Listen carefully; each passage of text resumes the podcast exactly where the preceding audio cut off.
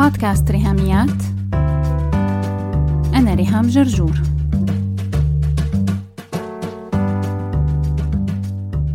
مرحبا. مرة كنت عم بقرأ وصف كتير عجبني لكاتبة عم تحكي فيه عن هوايتها المفضلة وهي السباحة بالمحيط الأطلسي. هي ساكنة على الشط وكل يوم تنزل بتسبح بالمحيط فكتبت توصف هالهواية. أرى المحيط وكأنه يلبس شخصية جديدة كل يوم ومختلفة عن اليوم السابق. فأجده أحيانا هادئا ساكنا بمياه شفافة كالزجاج.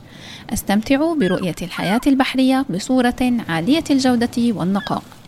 لكنه في اليوم الذي يليه قد تضربه عاصفة هوجاء فتتلاطم أمواجه من حولي وتضربني دافعة بي إلى العمق. في يوم آخر أستمتع بالسباحة بسلام إلى أن يأتيني قنديل البحر ليذكرني بطعم لسعة الوجع.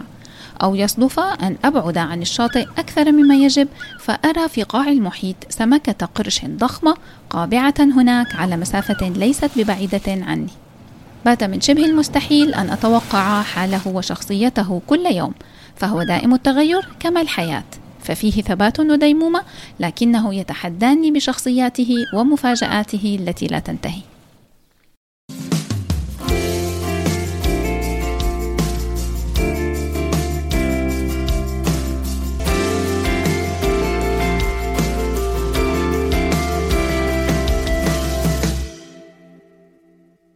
حبيت كتير هالتشبيه إن بعد ما وصفت لنا المحيط قالت إنه مثل الحياة.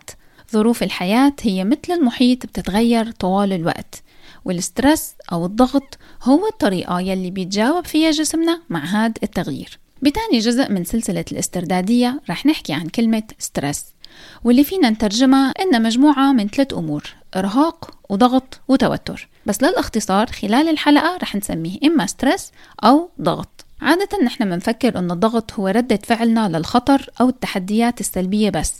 لكن الحقيقة أننا بنشعر بالضغط حتى مع أمور مفرحة فهي بتسبب لنا ضغط لأن نوع من أنواع التغيير وأي تغيير بيضطرنا إننا نتأقلم ونتكيف معه مثل بداية شغل جديد أو لو سمعنا عن تشخيص مرضي لحدا بنحبه أو لو حدا من أولادنا انتقل على مدرسة جديدة فبهالحالات كلها بيتم تفعيل ال stress response بجسمنا. هالشي بيعطينا تحفيز وتركيز لحتى نقدر نعمل يلي لازم نعمله في سبيل التأقلم والتكيف مع التغيير الحاصل سواء إيجابي أو سلبي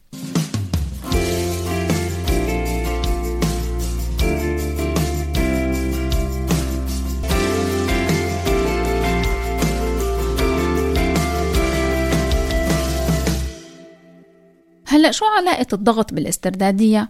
هي هي النقطة الجوهرية بحلقة اليوم إنه الضغط إما بيعزز الاستردادية عندي أو يصيبها في مقتل تعالوا نبتدي بلمحة سريعة عن شو بصير جوات جسمي أنا لما بكون مضغوطة أو stressed لحتى نفهم ديناميكية ال stress جوات جسمي لازم يكون عنا ولو نظرة عامة عن الجهاز العصبي للإنسان يلي هو مجموعة أعضاء في بيناتها شبكة أعصاب وهالأعصاب هي هي يلي بتبعت وبتستلم الرسائل ما بين الجهاز العصبي المركزي يلي هو الدماغ والنخاع الشوكي وما بين باقي الجسم.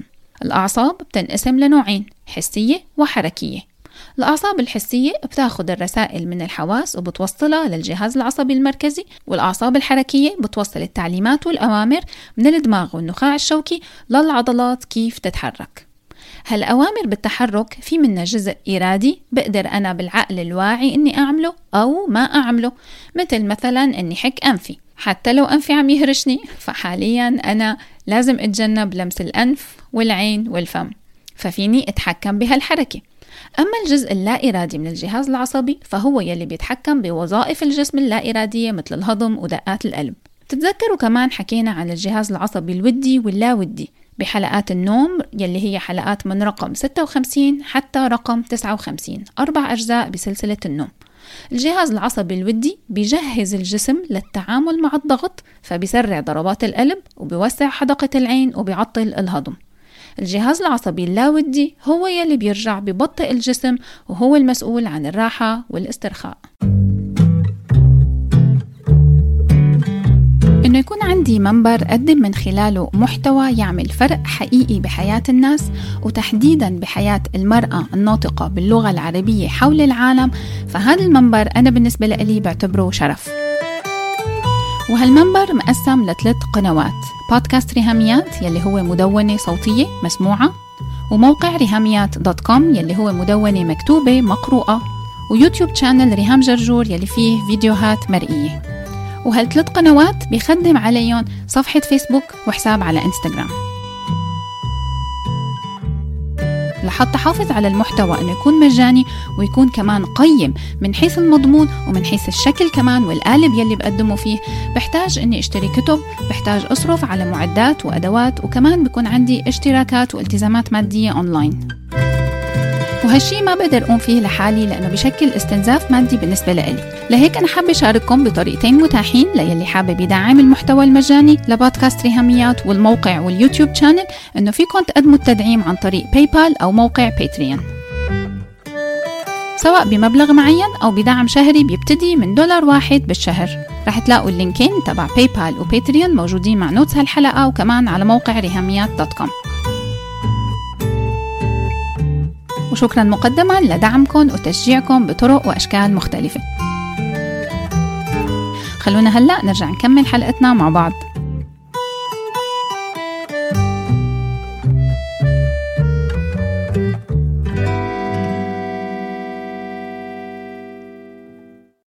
هلأ لنشوف شو بصير لو مثلا حدا قرر يخضك. يا لهوي. على سيرة الخض سمعت نكتة مهضومة هداك اليوم.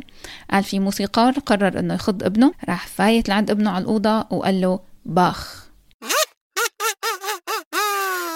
فمثلا لو حدا اجى من وراكي هلأ وخضك نقزك بالسوري يعني وقال لك بخ بصوت عالي. فالنهايات العصبية بإذنك بتبعت رسالة خطر للجهاز العصبي المركزي وهداك بيقوم باعت رسائل للعضلات إنك تنطي أو توطي راسك أو تلتفتي للصوت أيا كانت ردة الفعل اللا إرادية يلي رح تعمليها. وبنفس الوقت الجهاز العصبي الودي ببلش يشتغل ويفرز هرمونات الأدرينالين والكورتيزول لحتى يجهز جسمك للتعامل مع التغيير المفاجئ والغير متوقع بالبيئة المحيطة. بتلاقي ضربات قلبك سريعة ويمكن تعرقي كمان. وهي هي علامات ال fight or flight reaction ردة الفعل يلي منسميها محاربة أو فرار. هي مصممة لتساعدنا بالبقاء على قيد الحياة حرفياً. مع أنه كلمة بخ ما فيها تهديد لحياتك لكن جسمك بشكل مبدئي تجاوب مع الصوت المفاجئ خلال أجزاء من الثانية. واعتبره كأنه أمر بيهدد حياتك بالخطر. وإنت محتاجة لحظات بسيطة لحتى عقلك الأعلى يبتدي يستوعب شو صار ويحلل أنه الموقف عادي وبيتم إدراك اللي حاصل.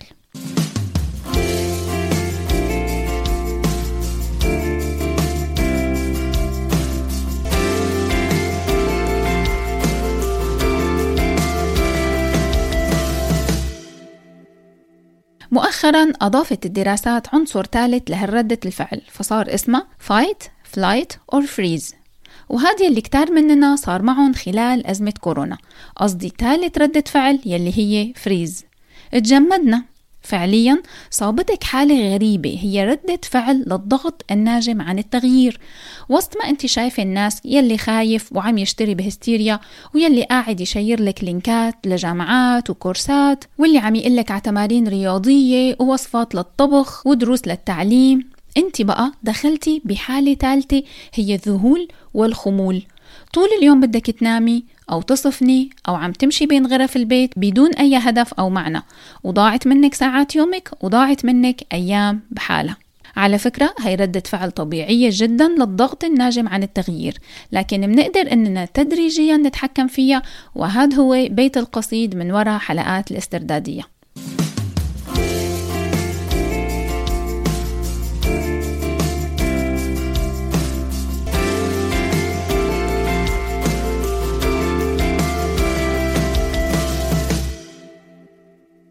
خلونا هلأ نقسم الضغط لثلاث أنواع.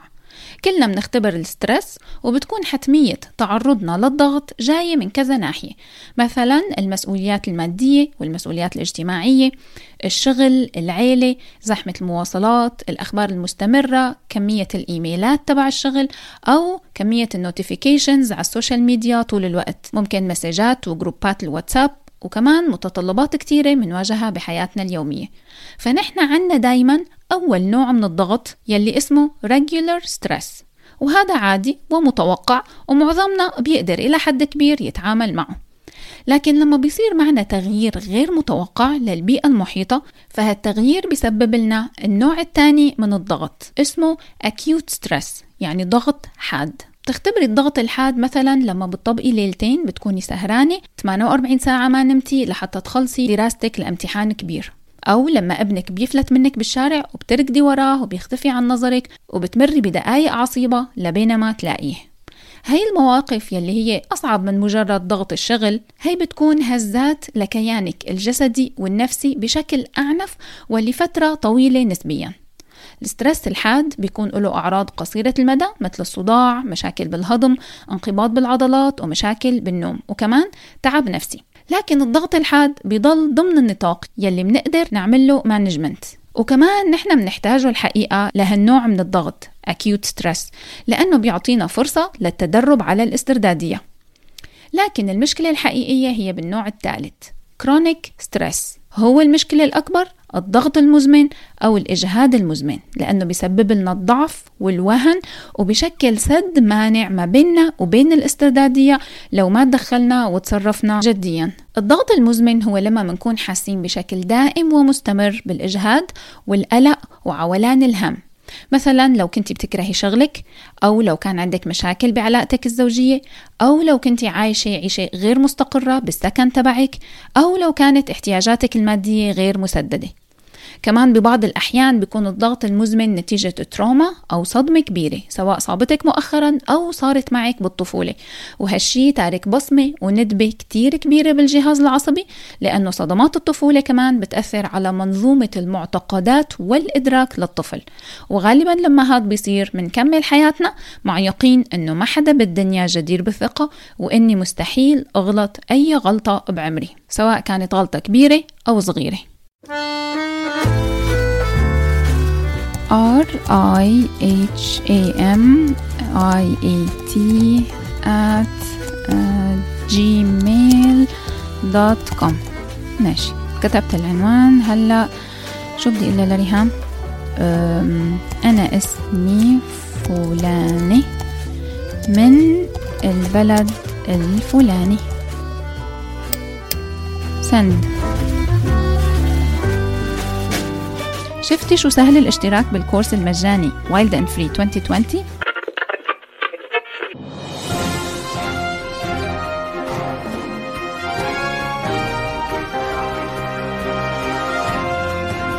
الكورس المجاني Wild and Free 2020 يلي شعاره تاء مبسوطة سالمة متوقف حاليا بالفيديوهات على اليوتيوب. لكن نحن خلال الأزمة عم نلتقي بشكل يومي على صفحة ريهاميات على الفيسبوك من خلال live streaming كل يوم الساعة 9 الصبح بتوقيت القاهرة من الأحد للخميس.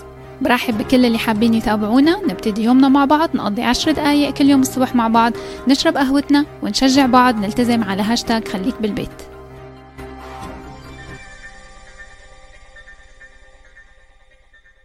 بوقت الضغط المزمن بيكون ال stress response مفعل طول الوقت وليس فقط وقت اللي منواجه خطر معين أو خطر جديد. لا هو شغال طول الوقت لأنه إدراكي عم يصنف كل شي حواليه إنه خطر. الضغط المزمن ممكن إنه يقود لتشكيلة واسعة من المشاكل الصحية بيقلل من نسبة السيروتونين والدوبامين بالدماغ وهذا قد يقود إلى الاكتئاب. كمان بسبب ضغط الدم العالي والجلطة والسرطان ومشاكل صحية تانية تنتج عن ال chronic stress. مشكلة ال chronic stress إنه بيسبب لنا مشاكل صحية تتجاوز مجرد تقلبات بالمزاج أو قولون عصبي. لا الكرونيك ستريس بيسبب تغيرات بالجسم والدماغ تغيرات كبيرة فعلية ملموسة وقابلة للقياس وخطيرة جدا.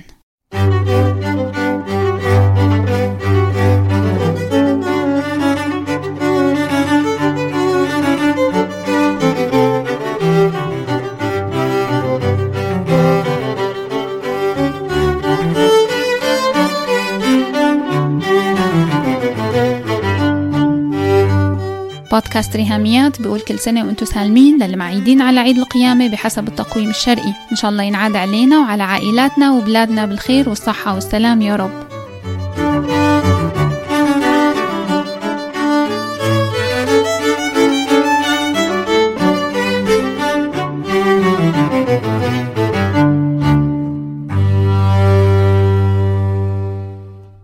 الضغط المزمن بيغير حجم أجزاء من المخ وتحديدا ال amygdala وال hippocampus ال amygdala هي منطقة مسؤولة عن اختبارنا للخوف واللي ثبت أنه ال stress بيسبب زيادة بحجمها. بينما ال hippocampus هو منطقة من الدماغ بتساعدنا بالذاكرة وثبت إنه ال stress بيسبب تقلص بهالمنطقة.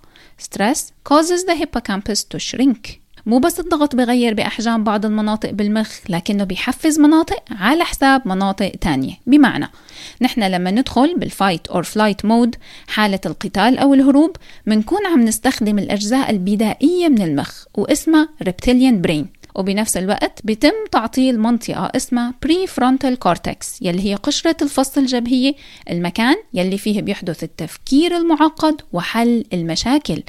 هاي المنطقة بتتعطل تحت تأثير الضغط وهذا يلي بيفسر لنا إننا لما نكون تحت ضغط كبير بنفقد السيطرة على تصرفاتنا وبتضعف قدرتنا على اتخاذ القرارات السليمة أو الكلام الموزون. لهيك لو أخذنا مثلا العلاقة الزوجية كمثال ففيكم تتخيلوا القرارات الغلط والكلام المسيء يلي ممكن ينعمل ويتقال ما بين أقرب الناس لبعض وهن شركاء الحياة. نتيجة للسترس والتغيرات يلي بيعملها الضغط على دماغنا مثل ما ذكرنا.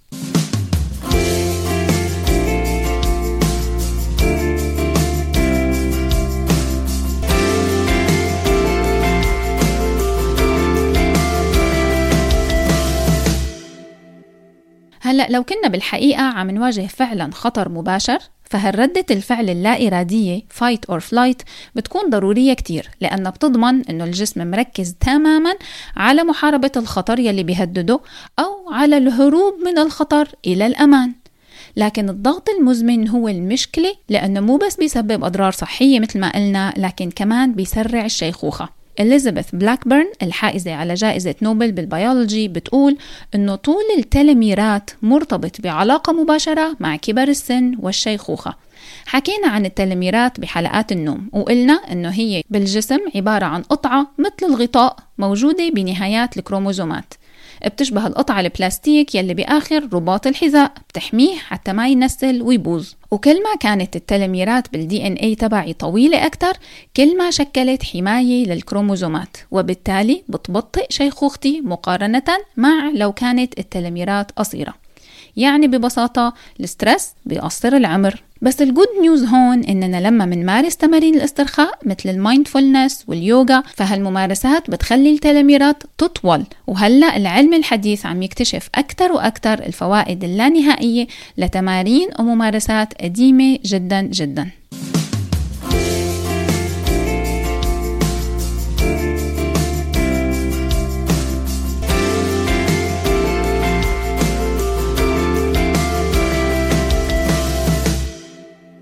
ال stress كمان بيستهدف نقاط الضعف يلي عنا. لو انت عادة بصير معك صداع فهاد رح يكتر لما تمري بضغط. لو عندك تاريخ مثلا بوجع الظهر فالضغط بسبب انقباض بالعضلات وبالتالي رح يرجع لك الوجع القديم. لهيك بالمناطق يلي هي نقط ضعف بجسمي فأنا رح أحس بألم فيها وقت الضغط.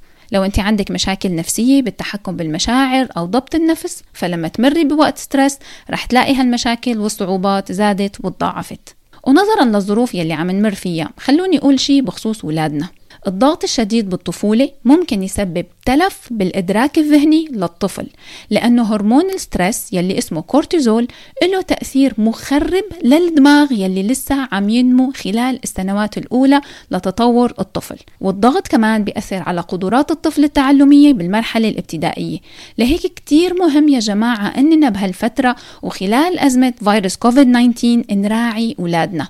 لا تضغطون أكثر ما هني مضغوطين ومحبوسين ومتضايقين. ما لازم يكون همنا الأول والأخير هو تدهور التحصيل الأكاديمي تبعهم وإننا لازم نلحقهم قبل ما يضيع مستقبلهم من إيدينا. لا نحن كل ما انضغطنا أكتر وضغطناهم لأولادنا معنا أكتر كل ما فعلا ضمننا ضياع مستقبلهم كله مو بس الأكاديمي لكن الاجتماعي والنفسي والجسمي والصحي. لهيك بشجعكم تسمعوا الحلقة الجاي يلي فيها طرق ونصائح لتقليل الستريس بحياتنا ونحن كتير كتير محتاجينهم بهالأيام وقت الأزمة.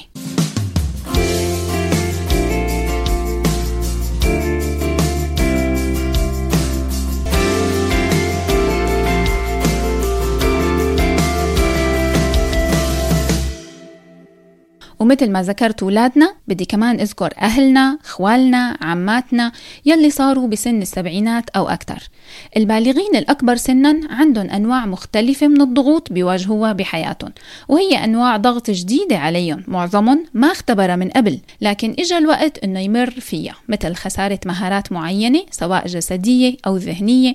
كمان خسارة قدرات معينة كانت بتتيح لهم فرصة نشاطات صاروا هلأ محرومين منها. أو خسارة الشغل بعد التقاعد وممكن مرافق لخسارة الشغل يكونوا حاسين بفقدان الهدف بالحياة. وزيادة على هاد كله بيختبروا تكرار فقدان الأصدقاء والأقارب يلي بسنن بسبب الشيخوخة والوفاة. فبتكون عندهم الاستردادية النفسية ضعيفة وكمان الاستردادية الجسدية ضعيفة بحكم السن. فمنلاقيهم بسرعة بيصابوا بأمراض وصحتهم بتتدهور بشكل كبير. أنا ما عم أقول هيك لحتى زيد على قلبكم هم. إنه أنا تعقدت هلأ فوق ضغطي أنا لازم راعي ضغط اولادي وضغط أهلي. يا لهوي هلأ إلى حد ما هذا صحيح. لو انت بالثلاثينات والأربعينات وكمان الخمسينات فنحن اسمنا جيل الساندويتش. حرفيا اسمنا The Sandwich Generation لأننا بنعتني بولادنا وعم نعتني بأهالينا. فمثل الساندويتش محصورين بين الجيلين لكن حلقات الاستردادية رح تساعدك مو بس أنت بتعزيز قدرتك على المقاومة والتكيف والنمو خلال الأزمة لكن كمان حالتك النفسية والجسدية الأفضل علاج ال stress معدي. يعني مثل ما الضغط بيعدي إنه لو كنا بالبيت في بيناتنا شخص دايما مضغوط ومتوتر فبيوتر الجو كله. بنفس الطريقة. أنا لو قدرت أتحكم بالضغط تبعي وقلل من التوتر يلي عندي ومارس ال stress management فهذا رح يكون معدي للي حوالي. وبالتالي انقله لأولادي ولأهلي اني اكون مرتاحة أكثر ومضغوطة أقل. لهيك لا تنسوا موعدنا صباح كل جمعة مع حلقة جديدة من بودكاست ريهاميات. واستنوا الأسبوع الجاي الجزء الثالث من سلسلة الاستردادية رح نحكي فيه عن ال stress management طرق إدارة وتخفيف الضغط. بس هيك. لو عجبتكم الحلقة لا تنسوا تشاركوها على ال social media حتى ناس أكثر تستفيد. تقدروا تتواصلوا معي عبر الموقع الإلكتروني لبودكاست ريهاميات www.rihamiat.com أو تبعتوا لي إيميل على ريهاميات at gmail.com أو message واتساب على الرقم 020 12 79 709 719 وعلى الفيسبوك دايما تابعوا صفحة وهاشتاج ريهاميات. سلامات.